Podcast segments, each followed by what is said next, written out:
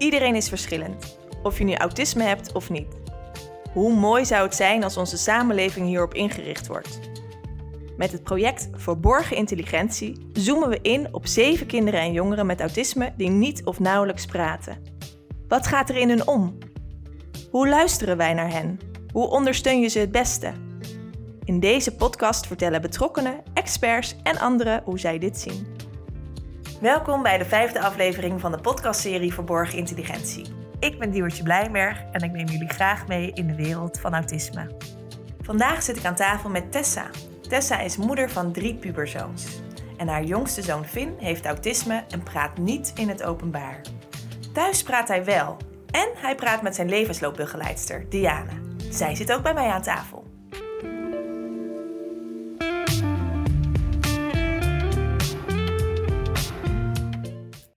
Hartelijk welkom Tessa en Diana. Fijn dat jullie er zijn. We beginnen elke aflevering met een kort vragenvuur. Ik ga jullie zo meteen vier vragen stellen. Ik ga er verder niet heel erg op in, maar het zijn gewoon vier vragen om jullie wat beter te leren kennen. Nou, de eerste vraag voor jou, eh, Tessa. Wat is jouw link met autisme? Oftewel, waarom zit jij hier bij mij aan tafel? Uh, mijn zoon Finn uh, heeft in 2016 de diagnose autisme gekregen. En Diana, wat is jouw link? Uh, nou, ik heb een eigen praktijk waarin ik kinderen en gezinnen begeleid met autisme. daarnaast hebben wij in ons gezin ook diagnoses met autisme. En ik ben levensloopbegeleider bij FAP. Zo, nou, drie linkjes met ja. autisme dus. ja. En Tessa, wat is volgens jou het grootste misverstand wat, heb, wat mensen hebben over autisme? Um, ik denk dat um, een van de grootste misverstanden is dat mensen met autisme geen behoefte hebben aan sociale contacten. Dat ja. uh, zie ik bij mijn zoon Finn ook wel duidelijk uh, terug. Dat ze dat juist dus wel hebben. Ja, ja zeker. Ja. En Diana, wat denk jij dat het grootste misverstand is? Uh, nou, sowieso sluit ik me aan bij Tessa. En daarnaast uh, denk ik dat we in onze maatschappij nog te veel kijken uh, dat autisme een stoornis is. En dat we ook denken dat deze kinderen en mensen niet de mogelijkheid hebben om te ontwikkelen. Ja, en dat kunnen ze wel zich verder ontwikkelen. Ja, zeker als we maar aansluiten bij hun behoeften. Welke les heb jij geleerd, Tessa, van mensen met autisme? Of bijvoorbeeld van jouw zoon met autisme? De afgelopen jaren zijn er ontzettend veel mensen betrokken geweest uh, bij Finn en uh, nog steeds. Mensen met allemaal een eigen mening en uh, ja, ze geven adviezen en tips en um, vinden allemaal iets van hoe het zou moeten en wat het beste is voor Finn. Um, daar luister ik graag naar en ik ga ook echt wel mee um, in, in hun adviezen en tips. Maar ik heb soms het gevoel gehad dat ik te weinig naar mijn eigen gevoel heb geluisterd. En dat ben ik eigenlijk uh, nou, nog niet zo heel lang geleden gaan doen. Uh, dus dat is uh, een ja, les eigenlijk die ik heb geleerd van meer naar mijn eigen gevoel luisteren, maar ook vooral vind zelf de stem geven die hij heeft. Dus ook hem meenemen in ja, in wat hij vindt en graag zou willen. En Diana, wat is jouw les wat je hebt geleerd van mensen met autisme? Nou, ik denk dat ik iedere dag nog van ze leer. Dus uitgeleerd ben je nooit, want elke dag is anders met mensen met autisme. Um, maar ik denk dat de grootste les die ik heb geleerd is om niet te oordelen, niet in te vullen, maar echt gewoon open te zijn en te luisteren. En ja, hun ook op waarde te schatten. En de wens voor de toekomst uh, met betrekking tot deze doelgroep, of misschien met betrekking tot jouw zoon, Tessa? Um, ja, ik denk dat omdat Finn um, eigenlijk buitenshuis niet zo heel veel praat, bijna niet, dat hij um, wordt gezien als misschien niet intelligent. En dat zullen meerdere kinderen hebben, mensen. ik zou, ja, willen veranderen. Dat mensen niet, zo, niet onderschat worden in hun eh, intelligentie. En Diane? Ja, ik zou het gewoon heel fijn vinden als mensen ook gewoon wat meer open-minded zijn en niet zo in hokjes denken. En dat we gewoon in onze maatschappij de mensen met autisme gewoon een eigen plek geven zonder ze in een apart hokje te zetten. Dus echt meer inclusie en het integreren. Want het zijn ook gewoon mensen, net als wij. En ze horen erbij en we kunnen zoveel van hun leren. Nou, het was nog maar het vragenvuur. maar jullie hebben nu al zulke mooie dingen gezegd. Dankjewel.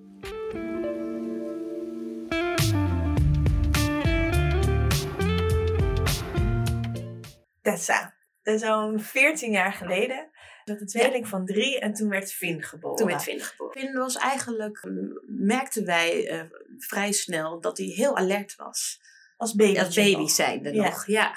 Dat vonden wij heel bijzonder, omdat we dat bij de tweeling eh, zagen we dat eigenlijk niet zo. Ja, maar alert op geluiden. Of... Overal op. Ja, op zijn omgeving, geluiden. ehm, ik heb foto's van hem dat hij een maand of drie was en hij zat al op de bank alsof het inderdaad een, een peuter was. Ja, om Ja, alles maar in dus de gaten Alles te in de gaten te houden. Hij, zag alles, hoorde alles. Ja. Ja. heel En altijd was het ook met slaap bijvoorbeeld, dat hij dan eh, snel wakker werd of zo, als hij dan iets hoorde? Ja, hij sliep heel slecht in, eh, werd snel wakker. Dus eigenlijk had ik hem heel veel bij me ook, s'nachts. Ja, en Ja. Als, ik dan, eh, als ik hem in zijn eigen bedje legde, dan begon hij meteen te huilen. Dus heel, eh, ook best wel aanhankelijk. Heel. Veel veilig. Ja, en was, merkte u toen al van, oh, dit is eigenlijk al wel anders dan ik bij mijn tweeling gewend was? Ja, ja, dat merkte ik wel. Ja. Maar misschien ook, ik, ik, ik, gaf ook, ik dacht ook door de tweeling, zij hadden elkaar. Ja. Dus zij sliepen eh, eerst samen in een bedje en daarna wel in een eigen bedje, maar bij elkaar op de kamer. Dus ja, dat, zij sliepen heel snel door ook.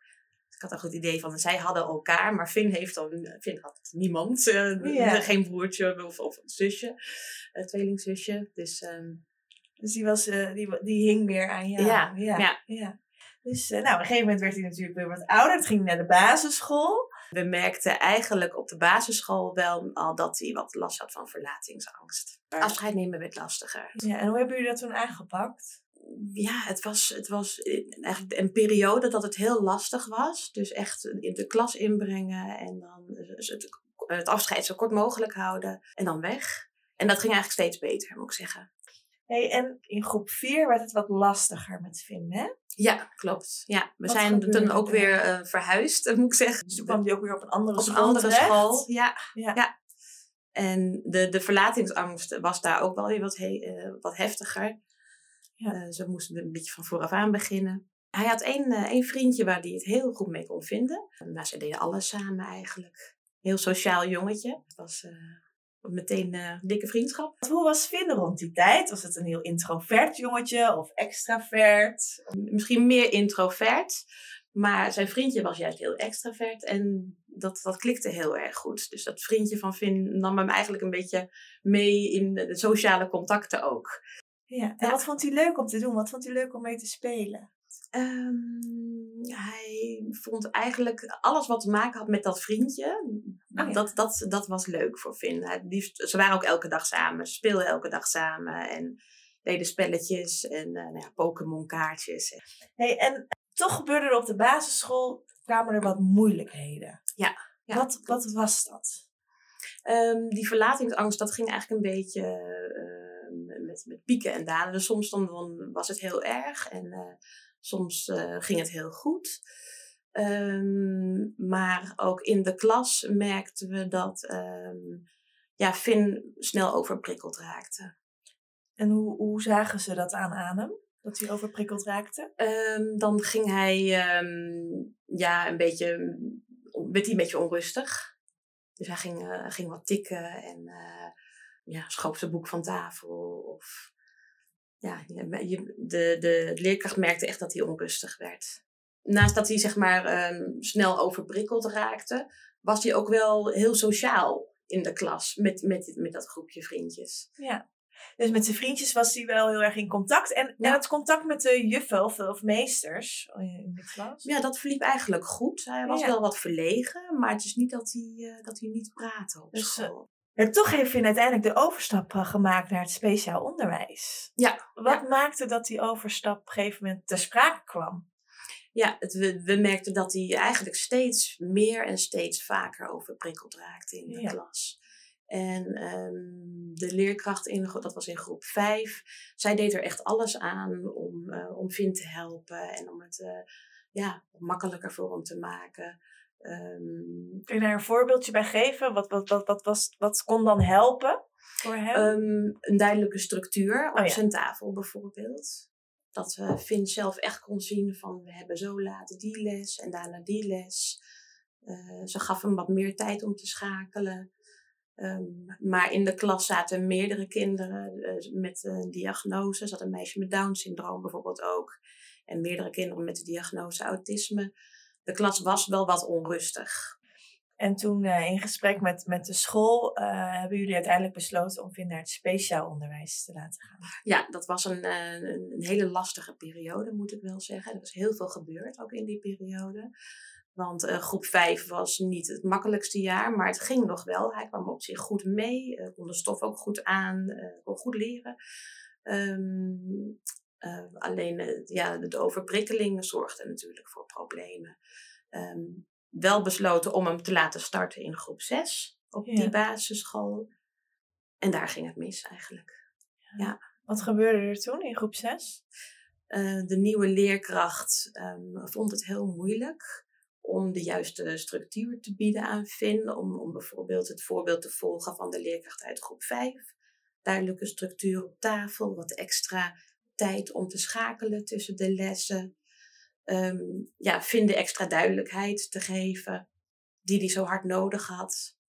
Um, er was helaas geen klik met die leerkracht. Nee, er was geen klik. Nee, en Finn reageerde daardoor heftiger dan in het uh, schooljaar daarvoor. En was dat dan op school dat hij heftig reageerde of meer thuis? Juist op school. Ja, hij rende vaak uh, het lokaal uit, maar dan ook echt naar buiten. Dus hij bleef niet binnen, maar ging echt naar buiten. Ja. Nou ja, dan stond er natuurlijk meteen een situatie van, ja, hij mag niet te ver gaan, we moeten hem wel in het oog houden. Ja. Um, en um, ja, de onrust werd groter bij Finn ook. Ging meer tikken. Uh, ze vonden dat hij de les dan verstoorde. Wat bedoel je met, wat bedoel je met dat tikken? Ja, had hij bijvoorbeeld een potlood en dan ging hij op de oh, tafel tikken. En als, een, als een, een meester of juf dan zei van niet doen, ja. Dan, uh... dan werd het alleen maar erger. Uh, als je echt zegt van hè, hij ging gewoon de klas uit, hij ging gewoon weg. In wat voor situaties deed hij dat? Um, ja, op het moment dat de klas wat onrustiger werd, tussen de lessen door. Of oh ja, als er rumoer was, kindjes gaan kletsen. Ja, ja, ja. ja. Of, of ze verwachten dat iedereen um, meeging in, in de les bijvoorbeeld, um, zonder uh, wat duidelijke uitleg. Dan, dan, dan, kon hij dat niet makkelijk aangeven en daardoor ging hij tikken. En um, ja, dan werd er tegen hem gezegd: stop met tikken, maar niet zozeer van um, uit, uit te vinden waarom hij het deed. Nee, meer zeggen van je moet het niet doen, want je, je, je zorgt voor onrust en ja, maar ook die klik, die was er ook gewoon niet. Die klik was er niet. Nee, dat was heel jammer. Want ik ben echt al een paar keer op school geweest om te praten. Van hoe kunnen, hoe kunnen we dat doen? Wat kunnen we doen? Maar het, het, het werkte helaas niet. Nee. nee. En ik had ook begrepen, want het waren twee leerkrachten. Um, eentje werkte er drie dagen, de andere twee dagen. En bijvoorbeeld die, die eh, leerkracht die twee dagen werkte, die had aan het begin van het schooljaar al gezegd dat ze het niet zag zitten om Finn in de klas te krijgen. Dus die, uh, die had al niet echt het geloof in Nee, nee. Dus dan start je eigenlijk al uh, slecht. Ja. ja, nu moet ik ook ineens denken aan de vorige aflevering met Anneke Groot. Uh, waarin zij heel duidelijk zei van het geloof in een kind hebben, dat maakt ook wat er uiteindelijk uit het kind komt. Juist. Op het moment dat het echt niet meer ging op, op de basisschool, was er één moment dat Finn zo overprikkeld raakte dat hij eigenlijk de klas uit wilde stormen, maar in zijn gang naar buiten heeft hij een prullenbak gepakt en die heeft hij door het lokaal gegooid. Ja. En um, nou ja, toen uh, werd er ingegrepen. Ja. ja. toen zagen ze hem als agressief. Ja. En toen hebben ze hem uh, ja, verwijderd uit het lokaal en mij meteen gemeld, hij mag er niet meer in. Wat raakt jou nu zo, nu je dit vertelt? ja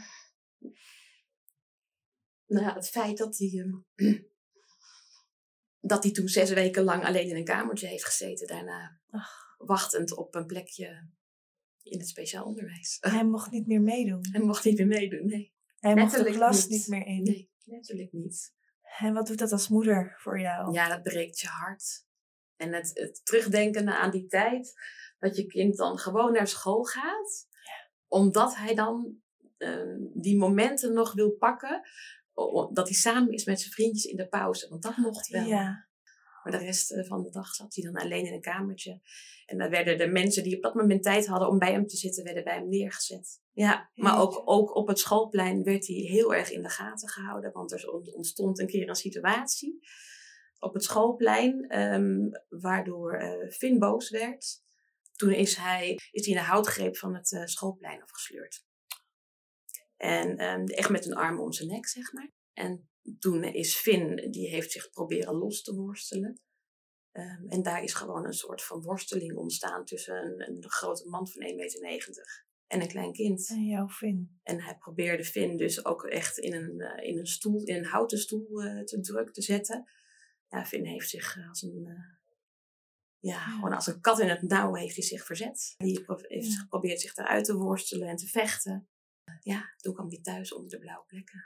Maar ook alle gesprekken die, die in die tijd zijn geweest, uh, werd maar één ding duidelijk. En dat is, we willen hem van school. Want dit is niet de plek voor hem. Nee. Wij kunnen hem niet bieden wat hij nodig heeft. Nee, nee zeker niet. Zeker niet in een kamertje apart. Nee. In zijn uppie. Ja. Ja, het, uh, het toppunt van exclusie in Ja. plaats van inclusie. Ja, absoluut. Hey, en ehm, er kwam een andere school voor Finn. Ja. Het speciaal onderwijs. Hoe ging zijn, eh, zijn eerste... Hoe hebben jullie hem daarop voorbereid? Ja, Finn, Finn is altijd heel erg goed in mm, situaties accepteren. Dus door, door veel met hem te praten, ja, ook echt te zeggen tegen hem van dit is de juiste plek voor jou. Ja, je moet wel natuurlijk. Ja, snapte hij dat een beetje? Dat hij dus naar een andere school moest? Ja, maar ik denk wel dat er heel veel kapot is gemaakt Ja. in die tijd.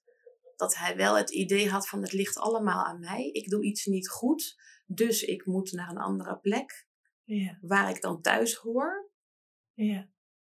En dat ehm, heeft heel veel met hem gedaan. En ja, toen is hij ook gestopt met praten.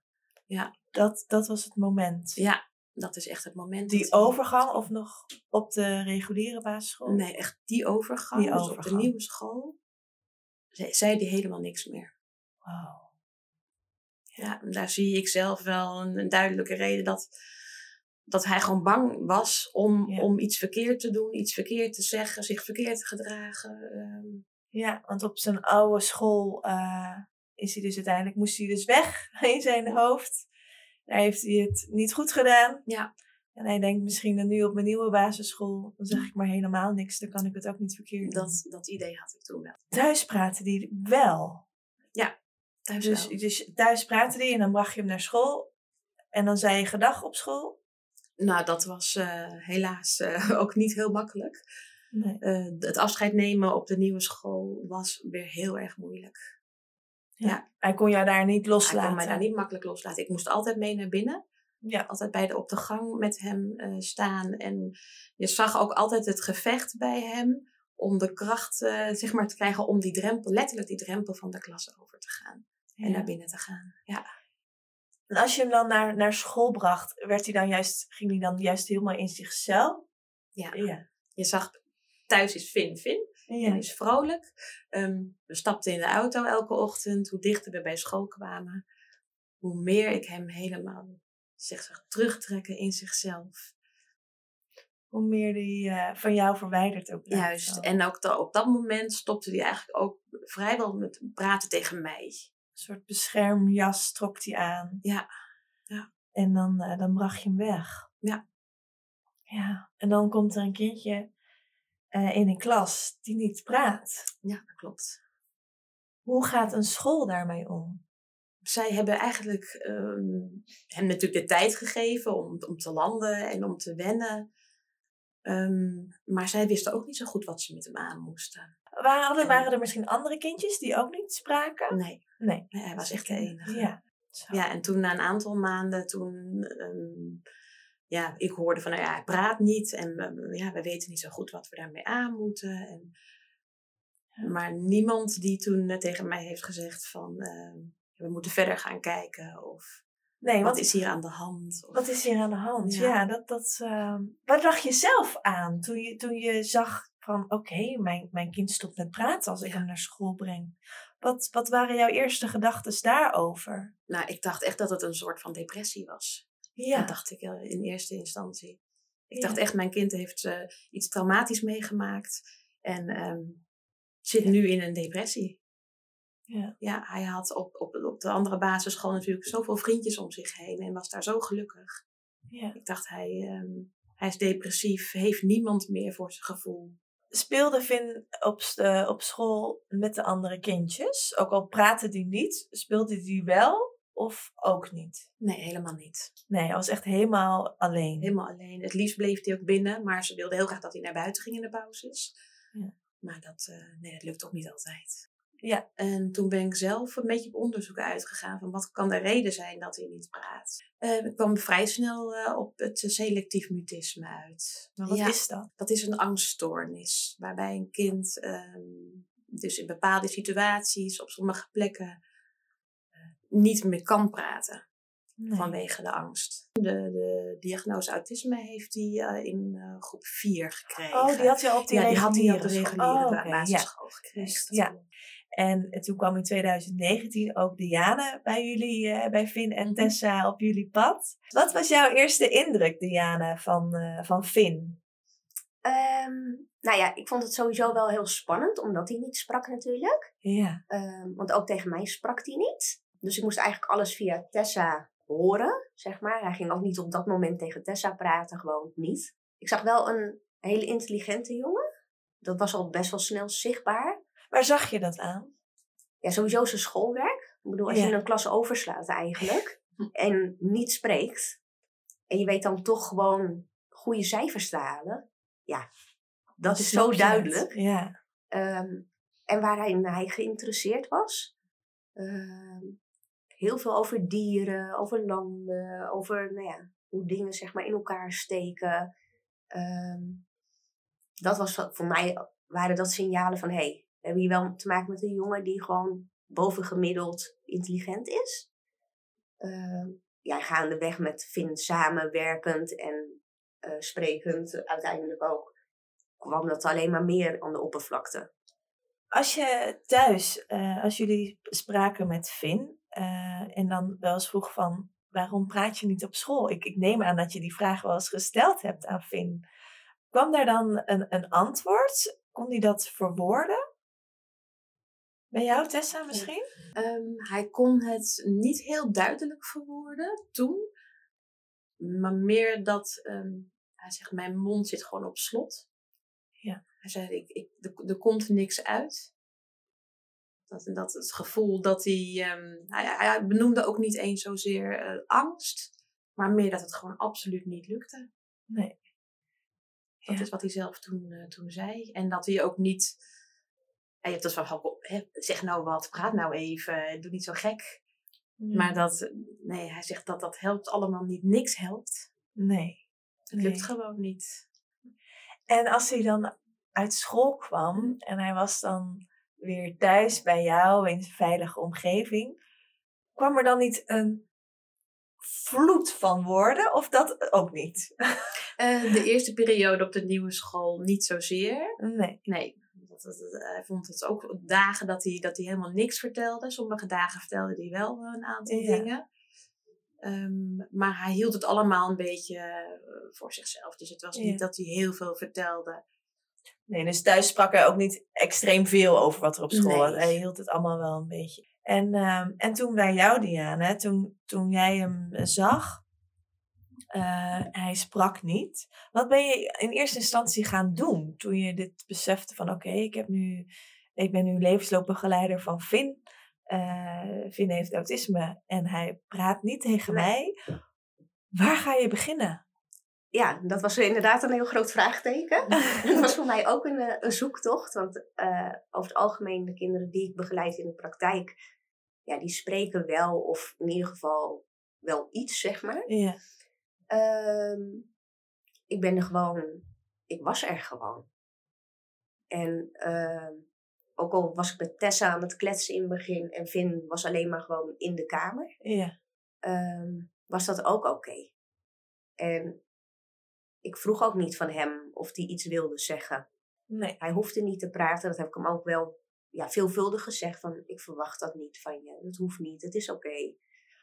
Ehm, en gaandeweg eh, ja, leer je toch een kind een beetje kennen. En, Ja, door hoe die reageert op Ja. bepaalde dingen. Ja, en eh, nou ja, ook informatie vanuit Tessa natuurlijk. En toen hadden we wel wat aanknopingspunten. Ehm Finn heeft een baardagaam. Wat heeft hij? Een baardagaam? Oké, vertel, wat is dat? een soort, nou, een soort hagedis. Ja, ja. ja, een soort Oké, hagedis. ja. En eh heet Zazu. ze. Ja, dat was gewoon een schot in de roos om eh, over Sazoo te hebben. En Sazoo, ja. dan ging hij ophalen en dan mocht ik er vasthouden. En nou, daar weet hij natuurlijk echt superveel over. Eh, dus dat zijn wel ingangen geweest om ook uiteindelijk hem tot spreken te krijgen. Want uiteindelijk ging hij dus ook iets vertellen tegen jou over Sazoo. Ja, en dan kwam het er vloeiend uit. Met Ja. details en dingen. Dat ik echt dacht, oké. Ja. En eh, in gang 2 bij hem was spelletjes spelen. Hij is gek op bordspelletjes. eh, oneindig hebben we dat gedaan. Ja. Tot, eh, tot ook, en hij wint ook altijd. Dat is ook echt zo frustrerend. en ja, dan is het gewoon de truc om af en toe iets fout te doen. Ja. Want dan trigger je hem toch om te corrigeren. Of als ik iets niet weet.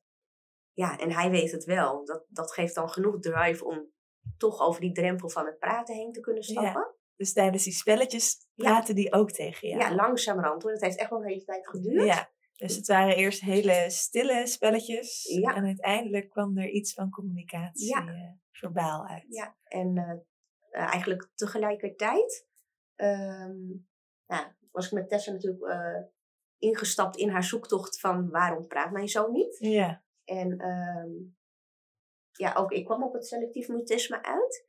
Toen heb ik eh, contact gehad met Eustace Scholman, eh, gespecialiseerd in selectief mutisme. Ehm, en eigenlijk via hem ja, informatie gekregen van, joh, hoe kan ik dit het beste aanvliegen? Wat wel te doen, maar vooral ook wat niet te doen. Ja. En wat waren zijn tips? Ehm, ja, met hele kleine stapjes beginnen. Dus eh, nou, we begonnen met eh, blaasvoetbal met watjes, met een rietje. Zodat Finn al leerde om weer die luchtstroom te maken. Eh, bellen blazen, dat soort Ja. dingetjes. Dus nog ineens beginnen bij praten, maar gewoon geluid maken. Ja, gewoon luchtstroom produceren. Eerst nog Zelfs nog zonder überhaupt geluid. Ja. En dan vooral op school. Omdat daar het grootste probleem, probleem lag. Dus je bent ook bij hem op school geweest? Heel veel. En die ruimte kregen we ook gelukkig. En daar maakten we echt goede stappen. Uiteindelijk waren we zover dat Finn ook elke dag wel iets tegen de juf zei. Dat was een soort beloningskaart hadden we gemaakt. En dat als ik er was, dat we dan één of twee kinderen uit de klas konden halen. En dan met hun kwartet speelden. Ja. Dus dan sprak hij in het bijzijn van de andere kinderen. ja. Praten die ook dan tegen hen of tegen jou? Nou, als hij hun een kaart wilde vragen, sprak hij tegen hun. Ja, ja kwartet natuurlijk. Ja. Ja. Ja. Dus functioneel deed hij het. En als het spel klaar was, was het ook klaar. Ja. Ehm, en de kind, dat was zo leuk. Die verbazing op die gezichtjes van die kinderen van... Er komt geluid uit. En ja. oh, ik had niet verwacht dat hij zo'n stem had. En dat soort dingen. Dus het was voor de kinderen ook echt een hele ontdekkingstocht of zo. Ja. En het waren echt hele mooie momenten. Ehm, dus ja, eigenlijk was dat heel positief. En ehm, maar ja, toen kwam inderdaad, waar we net waren, punt corona. Ja. Toen eh, was het niet meer... Nou, eerst zaten we natuurlijk met z'n allen thuis. Dat was nummer één. En toen de scholen weer open gingen. Toen mochten ouders niet meer naar binnen. En al helemaal geen externe, zoals ik. Ja. Ehm, dus toen eh, Ja. was letterlijk de deur dicht voor mij. En eigenlijk ook voor Tessa. En daarmee dus ook voor Finn. Ehm, die coronaperiode, wat ehm, merkte je in eerste instantie aan Finn? Wat, wat maakt het, het thuiszitten? Hij kwam dus, nou, de scholen gingen dicht, dat hadden we allemaal. Hij kwam thuis. Ehm, thuis sprak hij. Ja, het was voor Finn eh, eigenlijk een feestje om niet meer naar school Ja. te gaan. Maar eh, onbewust sloop er toch wel ehm, wat meer angst naar binnen. De angst om ook weer uit huis te gaan. Ja, dat werd eigenlijk steeds erger. Ja, En, ehm, maar we hebben het nu heel veel over school gehad, maar eh, bijvoorbeeld boodschappen doen of, of iets anders. Bedoel je daar, was daar die angst ook heel groot? ja, ik had het niet zo in de gaten. Totdat op een gegeven moment ehm Finn aangaf van ik wil eigenlijk niet naar buiten. Want ja, dat vind ik toch wel spannend. Boodschappen doen, ehm, een stukje wandelen. alles werd een opgave eigenlijk. Kon hij benoemen wat hij dan zo spannend vond? Het, was, het was voor hem, ehm, ja, wat hij dan wel eens zei, van ja, ik ben bang dat als ik op straat loop, dat ik dan eh, mensen tegenkom die iets tegen me willen zeggen.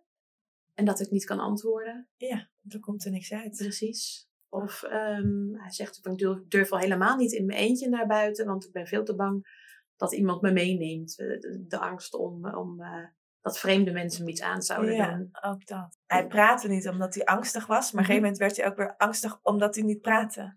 Precies. Dus het versterkte zich Ja, elkaar alleen ja. nog maar meer. Ja, dat merkte Ja. ik, eh, dat het steeds erger werd. Ja, Of ook als we langs, eh, langs het bos reden en ik ben heel erg van, ik, ik wandel graag, ik ben graag buiten. Ehm, maar ik kreeg Finn steeds moeilijker mee naar buiten. ja. hij wilde echt thuis blijven. Ja. Dus het idee van een stukje wandelen in het bos, dat was voor hem eh, net een, een horrorfilm eigenlijk. Omdat er allemaal enge dingen konden gebeuren in dat bos. En dat, nee, dat zag hij allemaal niet zitten. Nee. En ehm, toen eh, kwam er weer een periode dat, we, dat hij weer naar school mocht. Dat is dan weer, al, al, al is een, een wandelingetje in het bos met weinig mensen, was Ja. al angstig. Laat staan weer die stap naar school. Mhm. Ehm, wat gebeurde er toen? Ja, het was wel heel pijnlijk eigenlijk. Hè? Want we hadden eigenlijk eh, mooie stappen gemaakt voor Ja. corona. En we waren eigenlijk weer terug bij af. Misschien nog wel verder afgezakt eigenlijk. Dat de angst nog veel groter was voor Finn om naar school te gaan. En- ja. En dan dat, dat ouders niet mee naar binnen mochten. Dat was voor hem, eh, nou, het was onmogelijk om naar binnen te gaan in zijn eentje. Ja, Wat gebeurde er dan? Want je, kan, de- je zegt van, nou, kom Vin naar binnen. Ja. En eh, hij deed niet. Nee, we hebben, nou, we hebben weken hebben we op het schoolplein gestaan. Dat we geprobeerd hebben, soms zelfs eh, Uren. uren per dag. Ja. We toch probeerden hem naar binnen te krijgen. Het onbegrip vanuit school van, eh, ja, jammer dan, je mag niet mee naar binnen. En ja, het lukt niet. Ja, vervelend. Maar we gaan, we gaan er niet in mee. Dat, zij, zij vonden dat, het, ja, dat wij het op moesten lossen. Ja. Maar nam je hem dan gewoon weer mee naar huis? Ja, ik moest. Ja. En toen eh, is hij toen een langere periode niet naar school gegaan? Hoe is dat gegaan? Nou ja, zoals Tessa al zei, weet je, we hebben echt uren en uren soms op het schoolplein gestaan. Ja. Soms Tessa alleen, Ach. soms samen. Eh, school heeft wel wat dingen geprobeerd. Kwam ook met, eh, nou ja, vind ik, wat onethische voorstellen. Om Oh, eh, nou, bijvoorbeeld Finn thuis op te laten halen door één of twee mannen die hem dan na- wel naar school zouden brengen. zo. Eh, dus dat er meer dwang op moest eigenlijk. Ehm, ja. Of op school naar binnen krijgen en Ja. de deur dicht doen. En, Ja, eh, Op slot. Ja. ja. Als een soort gevangene. nou, daar zijn we wel heel hard voor gaan liggen. Ehm, nou, uiteindelijk hadden ze wel door eh, dat dat niet ging werken en dat wij niet gingen opgeven. Mhm. Ehm, toen kregen we een soort privilege dat wij via de achterdeur naar binnen mochten. En dan mocht ik eh, helpen opstarten samen met Tessa in de gymzaal. Nou, de eerste keer dat we dus via de achterdeur de gymzaal inliepen om met Finn te kunnen starten, kwamen we in een donker lokaal, ijskoud, geen stoelen, helemaal niets. Ehm, maar dat hebben we toch maar aangenomen om zo een mogelijkheid te hebben. Ja. Eh, nou, dat is soms gelukt toen. Maar hij sprak helemaal niet meer. Ook niet tegen mij in die gymzaal. Nee. Eh, het was niet fijn. Het ging gewoon niet meer. Er kwam een wisseling van directeur van de school. En die nieuwe directeur zei: De regels die gelden voor iedereen, gelden ook voor jullie. Dit kan gewoon niet bij ons. Nee. Nou, en toen. eh, dat was eigenlijk het moment dat ook de directrice aan begon te geven van... Finn kan hier niet blijven. Eh, dit is geen optie meer. Eh, en toen is eh Finn overgeplaatst naar Boost. Dat zit in hetzelfde gebouw. Dus hij ging daar naartoe. Naar Ja. Boost. Ja. Ehm, wat is dat voor? voor is dat een, het is geen school, maar wat is dit voor iets? Eh, het is een eh, tussenvoorziening. Dus wat Ja. Diana ook al zei, inderdaad, voor kinderen die dreigen uit te vallen of zijn uitgevallen. Ehm, die kunnen daar terecht en dan is het een eh, combinatie. Dus ze krijgen de onderwijs en zorg. Nou, eh, dat moet je ook weer tegen Vin gaan vertellen. Van Vin, nou, we gaan dus niet meer naar school. We gaan nu hier naartoe. Ja. Hoe, eh, hoe is dat bij hem binnengekomen? Ik denk dat het voor Finn weer een faalmoment was. Ik denk dat hij weer zoiets had van, zie je, ik heb het weer niet goed gedaan. Ik moet weer naar een andere school. Ja, het is hetzelfde gebouw, maar toch kom je weer terecht in een andere omgeving. eh, Andere mensen. Andere, andere mensen. Ehm, het was een... ehm, het was een, Boost bestaat uit een, een onderbouw en een bovenbouw. Dus Finn kwam toen in de onderbouw terecht. Dus een groepje van kinderen, eh, nou, zeg maar verschillende leeftijden, van heel jong tot en net even wat ouder. Dus het bovenste gedeelte van de onderbouw, zeg maar. Ehm, ja, en daar volg je allemaal je eigen Leerlijn? Ja, Ja. leerlijn eigenlijk. En hoe ging het daar dan met Vin? Moeizaam. Het was heel moeizaam weer. De start, het afscheid nemen. Ja. Jullie mochten toen wel het gebouw in, neem ik aan? Ja, ik mocht wel mee het gebouw in. Dus ik had goede hoop dat het dan toch wat makkelijker zou zijn voor hem om eh, afscheid te nemen van mij 's ochtends. Maar we hebben weer alles uit de kast moeten trekken om dat voor elkaar te krijgen. Dus eh, weer eh, belonen en, en minuten, zeg maar. eh, dat, hij, hij had natuurlijk een opbouw, dus hij, hij bleef eerst een uurtje, en toen anderhalf uur. Alleen de angst bij Vin was zo groot dat hij zei van als jij niet eh, in de buurt blijft, ga ik ook niet. Nee. Dus ehm, het, het afscheid nemen eh, op zich was al, duurde al lang. Maar daarnaast kon ik ook niet weg van het terrein. Want anders dan zou hij niet gaan. Ja, jij was echt zijn, zijn veilige haven eh, in een wereld vol angst. Hij, ja, Ja. hij voelde zich zo onveilig Ja. dat hij het niet aankon eh, dat ik weg zou gaan van het terrein af. Ook al was het maar voor een, een rondje te lopen in de buurt. Nee, De angst bij hem niet. was te groot. ja. Hij sprak helemaal niet daar? Nee. nee. Hoe ging het in die periode thuis met Vin? Dus, hè, dus het speciaal onderwijs, nou, dan moest hij dus ook weer stoppen. En toen bij Boost, waar het dus ook niet lekker ging. Hoe, ging het, hoe was Vin thuis op dat moment? Ehm, thuis is altijd wel zijn veilige haven geweest. Dus thuis ehm, is Finn mm, altijd wel een vrolijke jongen geweest. Ik Ja. merkte wel periodes dat hij wat minder lekker in zijn vel zat. Ehm, waarbij ik merkte dat hij ehm, ja, wat stiller was. Ehm, bijvoorbeeld ook niet praten tegen eh, mijn ouders. Of mijn broer en mijn zus. Dat is op een gegeven moment ook helemaal gestopt. Ja. Dat hij echt alleen nog tegen mij praatte en tegen zijn broers. Ja. En zijn vader die dan af en toe langskwam. Ja. Maar voor de rest tegen helemaal niemand meer. Nee.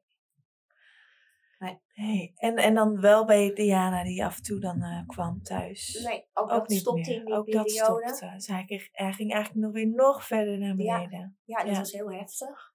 En ehm naast zijn angsten ontwikkelde hij toen ook wel periodes echt forse tics. Geluiden maken, de meest eh, rare geluiden. Ja, zijn keelschrapen was wel een van de normaalste. Ehm, Alleen, een- alleen thuis, denk ik dan. ja, want hij kon dat heel goed onderdrukken op school. Omdat dat, hij mocht geen geluid maken. Dus hij stopte al zijn energie in het stil zijn. Dus eh, Dus als hij buitenshuis was, hij stopte al zijn energie in stil zijn. stil zijn. Hij mocht geen geluid maken. Hij mocht niet hoesten, niet niezen. Ach, Hij, ja, dat, dat, daar ging denk ik al zijn energie in. alleen maar in stil In zijn. stil zijn, Hij wilde zich niet laten horen. Nee, Nee. En thuis ging hij dat dus misschien juist wel doen. ja, thuis kwam alles eruit op een gegeven moment. Al die tics die om de, soms om de paar seconden kwamen. Er altijd een bepaald geluid.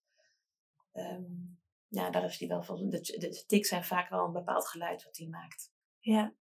Ehm, dus hij, dus alles wat hij inhield buitenshuis ging, kwam er in huis Ja. uit. Vanuit Boost ehm, gingen we op zoek naar een middelbare school. Ja. kwamen we eigenlijk vrij snel eh, natuurlijk terecht bij, ehm, dat is een, voor het voortgezet onderwijs, speciaal onderwijs.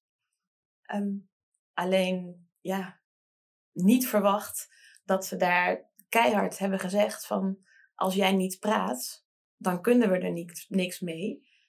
En dan ja, ben je eigenlijk niet welkom op deze school.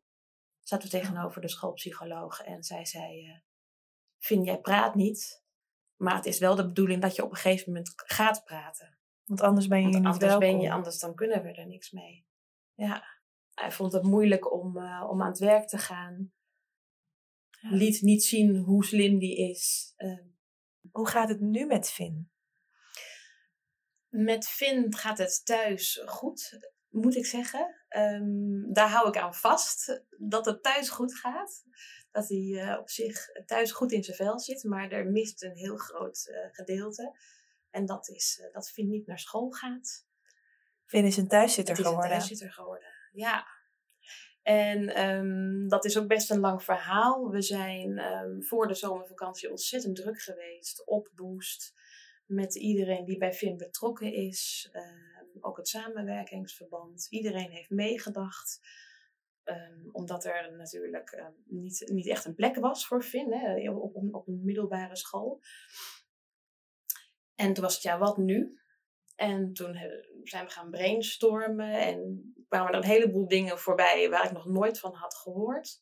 Dagbesteding werd benoemd en dat dat misschien wel een goede plek voor Vin zou zijn.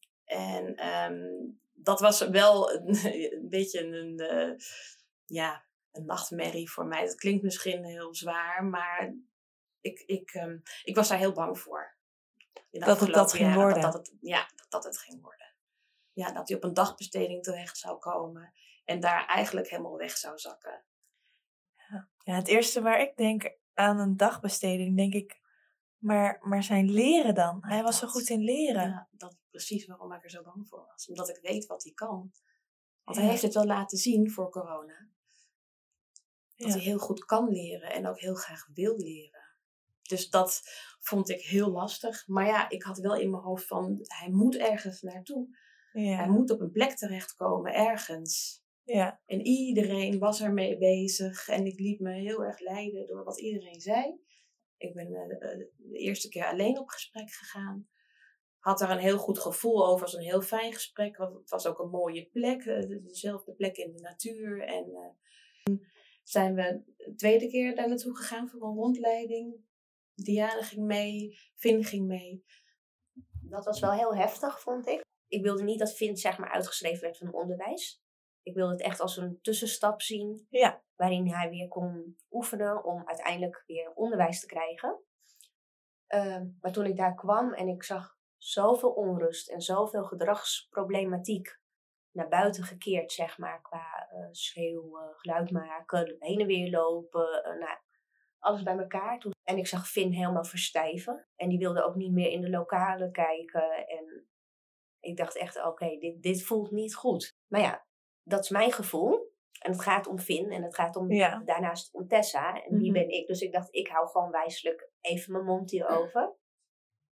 Maar eigenlijk, uh, achteraf, nou, het was unaniem. Dit, dit is het niet. En toen kwam er ook nog eens bovenop dat dus het plan zou zijn om hem te laten uitschrijven uit het onderwijs.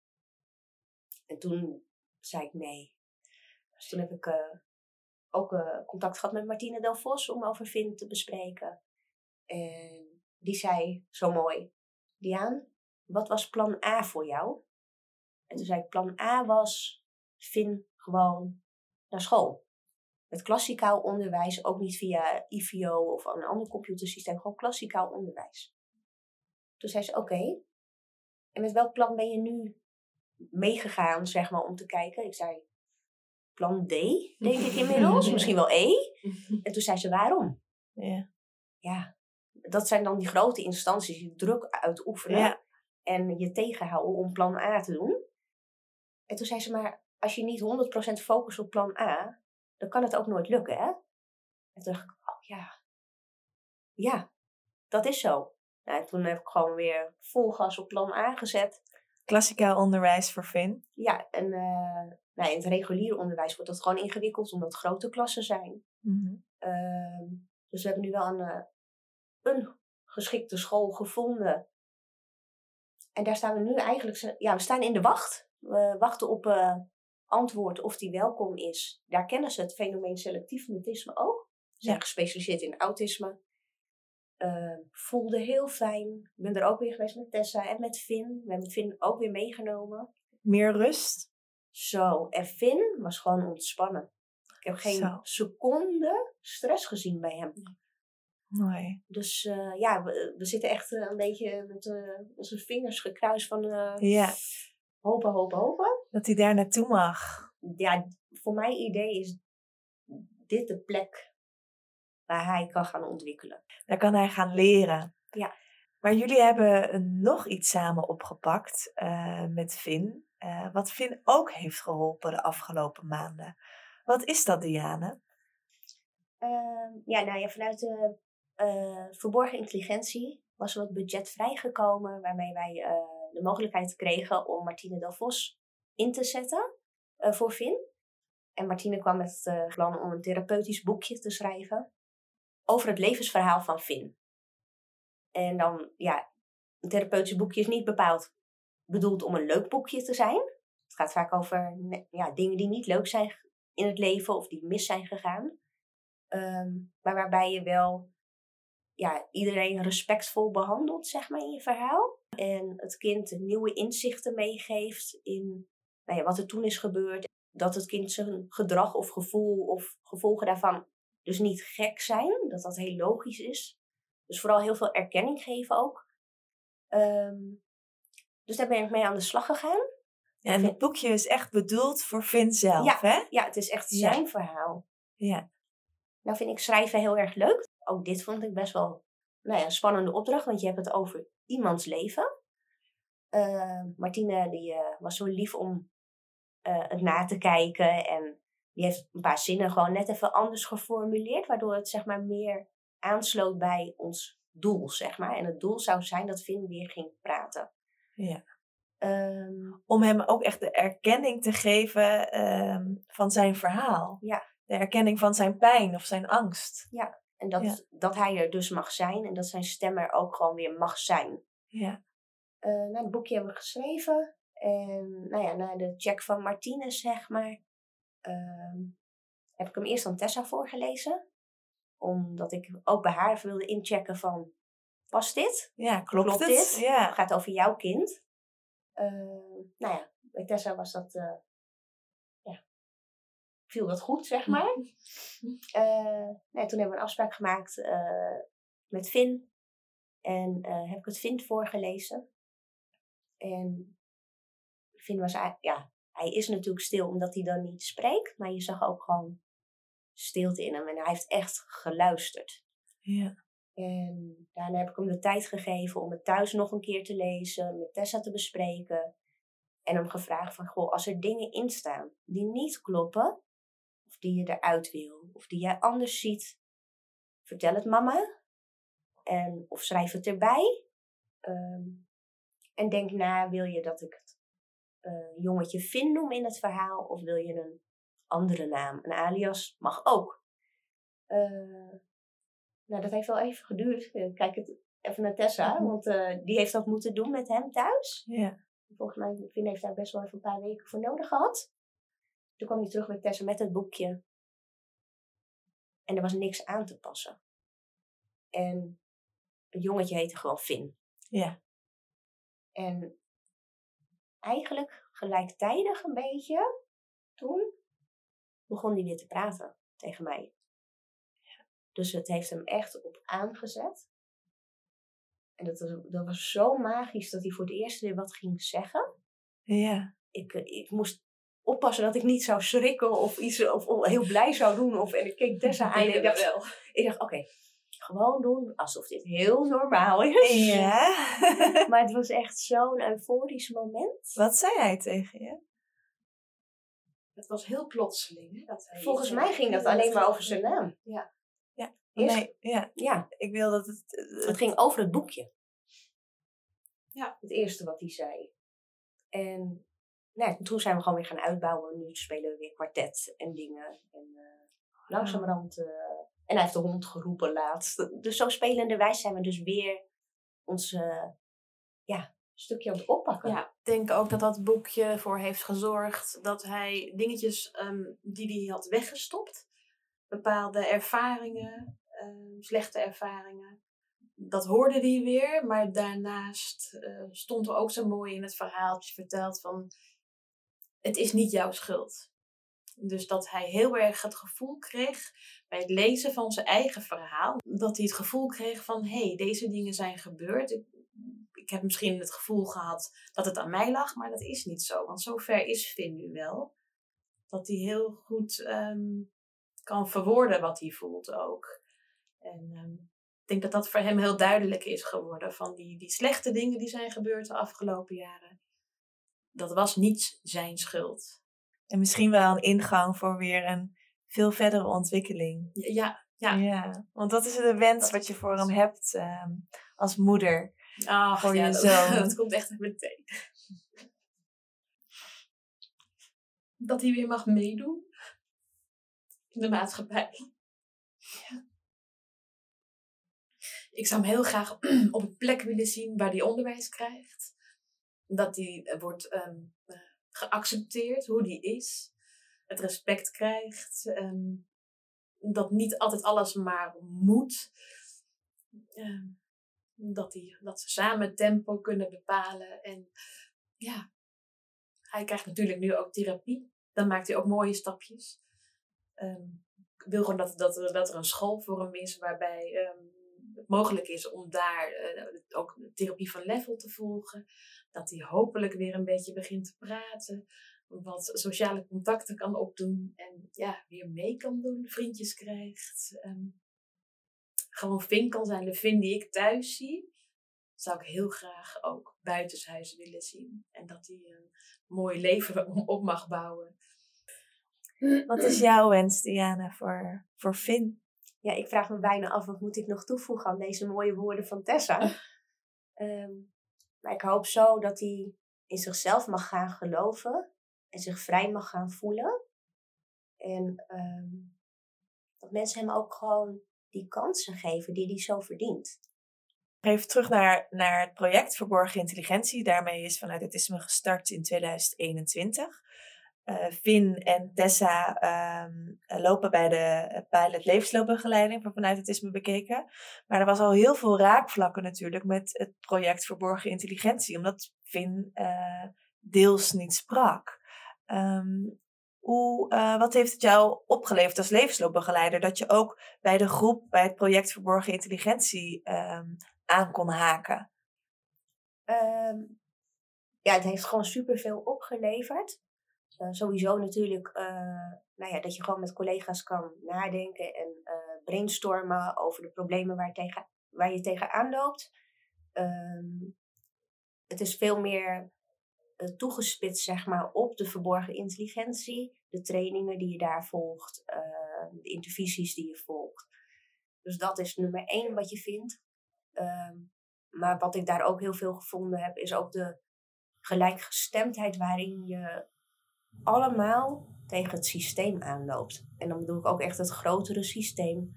Als het gaat om onderwijs, als het gaat om zorg, als het gaat om nou ja, alles wat je maar nodig hebt rondom kinderen ja, die gewoon niet in de pas lopen, zeg maar. Mm-hmm. Uh, dan blijkt gewoon dat het systeem zo tegenwerkt. Uh, nou ja, een goed voorbeeld is natuurlijk de IQ-test. Uh, hoe ga je een kind wat niet spreekt of nauwelijks spreekt, of nou, in ieder geval een probleem heeft met communicatie, hoe ga je die een IQ-test afnemen? Ja. Nou ja, in onze maatschappij hebben we gewoon bedacht dat dat leidend is uh, om te bepalen hoe slim een kind is. Uh, nou ja, per definitie faalt zo'n test bij deze groep kinderen, waardoor deze kinderen inderdaad wederom weer weggezet worden als niet intelligent. En daarom is ook de ja, de naam ook zo pakkend, hè, verborgen intelligentie. Uh, want het zit er wel vaak in, alleen we kunnen het niet testen. En als we het niet kunnen testen, dan hebben wij ja, bedacht dat het er dan niet is. Ja. Dus uh, ook in, op dat stuk vinden we elkaar, zeg maar, uh, bij verborgen intelligentie van de zoektocht. Hoe kunnen we deze kinderen recht doen en hun ja, kunnen, zeg maar, toch een soort van zichtbaar maken? Ehm, dus ja, ik ben echt super blij met deze zijstap die wij hebben mogen maken en mogen aanhaken. Hey, en wat is je beeld wat je nu hebt na, na een aantal jaar over uh, uh, levensloopbegeleiding? Um, het is, nou, het is echt zo belangrijk uh, geworden in ons leven. Het, het feit dat Diane er is, ehm, ze helpt en ondersteunt en begeleidt niet alleen Finn, maar ook mij. En ik denk dat ik daarom echt overeind ben gebleven. Want het was echt een heftige reis eigenlijk de afgelopen jaren. Ehm, die ik zonder hulp niet had aangekund. Nee, dat is, dat is voor mij één ding wat zeker is. En dat levensloopbegeleiding uh, nu mogelijk is gemaakt in deze pilot. Ja, dat heeft zo moeten zijn. Dat heeft op ons pad moeten komen. Dat, dat kan niet anders. Ik geloof daar heel erg in dat, is, dat, het, uh, ja, dat het zo heeft moeten zijn. Want het heeft ons zo, zo enorm geholpen en Vin geholpen. En ik blijf het zeggen, als er geen corona was geweest, dan ja, waren we al heel ver gekomen met vinden. Ja. ja. Dat is één ding wat zeker is. Dus ik ben ontzettend dankbaar dat we deze kans hebben gekregen. Nou, deze aflevering, het verhaal van Finn. Ik uh, onwijs bedankt dat jullie hier bij mij aan tafel wilden zitten. De tip. Aan het eind van elke aflevering vraag ik mijn gasten om nog een kijk, luister of leestip. En dat ga ik ook aan jullie doen, Tessa en Diane. Hebben jullie voor onze luisteraars een tip?